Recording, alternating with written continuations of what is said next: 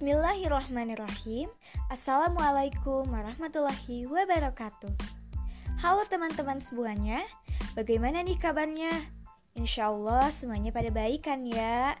Amin Perkenalkan nama saya Syifa Fauziah Prastiwi NPM 15 saya berasal dari kelas A, mata kuliah rancangan percobaan, program studi agroteknologi, Fakultas Pertanian, Universitas Pajajaran.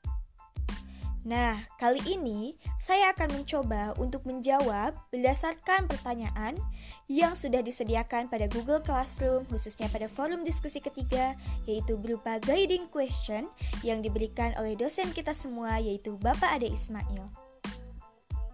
Baik, pertanyaan pertama adalah, apa yang saudara ketahui tentang rancangan acak lengkap? Jelaskan dengan singkat.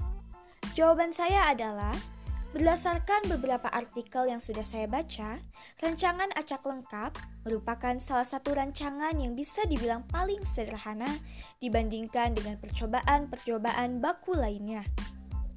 Di mana rancangan ini biasanya digunakan untuk suatu percobaan yang memiliki media percobaan yang bersifat homogen atau seragam. Nah, lalu Rancangan ini disebut dengan rancangan acak lengkap dikarenakan rancangan ini diberikan kepada seluruh unit percobaan secara acak. Nah, jadi dikarenakan, dikarenakan semua unit mendapatkannya dan secara acak, maka rancangan ini disebut dengan rancangan acak lengkap. Lalu pertanyaan yang kedua adalah, bagaimana cara menentukan banyaknya ulangan dan perlakuan? Menurut informasi yang saya dapatkan, untuk menentukan banyaknya ulangan, kita dapat meng menggunakan rumus T dalam kurung N-1 lebih dari sama dengan 15. Nah, di mana T, T-nya ditulis dengan huruf kecil ya teman-teman, merupakan simbol untuk banyaknya perlakuan. Lalu, N yang ditulis dengan huruf kecil juga merupakan banyaknya ulangan. Contohnya seperti ini teman-teman. Katakan saja banyaknya perlakuan adalah tiga. Nah lalu, untuk menghitung atau mencari tahu berapa pengulangan yang harus dilakukan, kita bisa menghitungnya seperti ini. 3 dalam kurung N-1 lebih dari sama dengan 15. Untuk itu, selesaikan seperti biasa dengan perhitungan matematika pada umumnya. Maka didapatlah hasil bahwa N lebih dari sama dengan 6. Nah, itu berarti masing-masing perlakuan dalam suatu penelitian dilakukan dengan menggunakan minimal 6 kali pengulangan.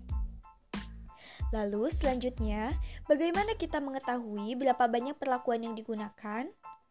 Untuk penentuan banyaknya perlakuan, kita bisa menyesuaikan dengan hal apa saja yang ingin kita tahu nantinya dalam hasil percobaan tersebut di mana nantinya perlakuan-perlakuan tersebut merupakan hal yang akan memberikan jawaban dari apa yang ingin kita tahu sebelumnya dalam percobaan ini. Nah, menurut informasi yang saya dapat, ketika pembelajaran perdana rancangan percobaan, saya mengetahui bahwa usahakanlah ketika kita ingin menentukan perlakuan, tentukanlah perlakuan-perlakuan tersebut dengan jumlah jangan lebih dari tujuh. Dikarenakan tujuh perlakuan pun sudah tergolong baik teman-teman. Jadi, dengan menentukan tujuh perlakuan atau kurang dari tujuh merupakan banyaknya perlakuan yang efektif digunakan.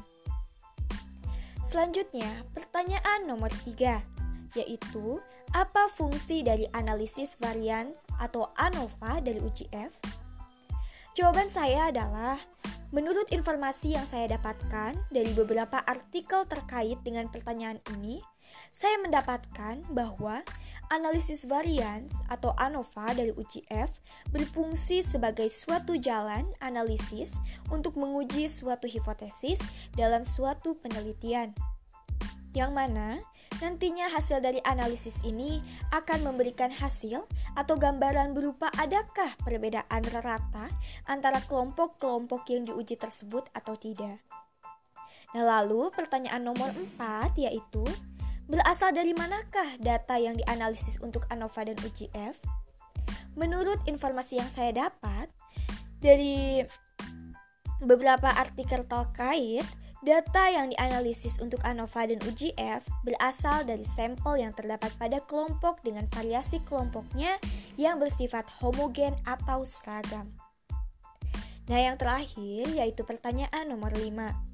Bagaimana cara menarik kesimpulan hasil UGF?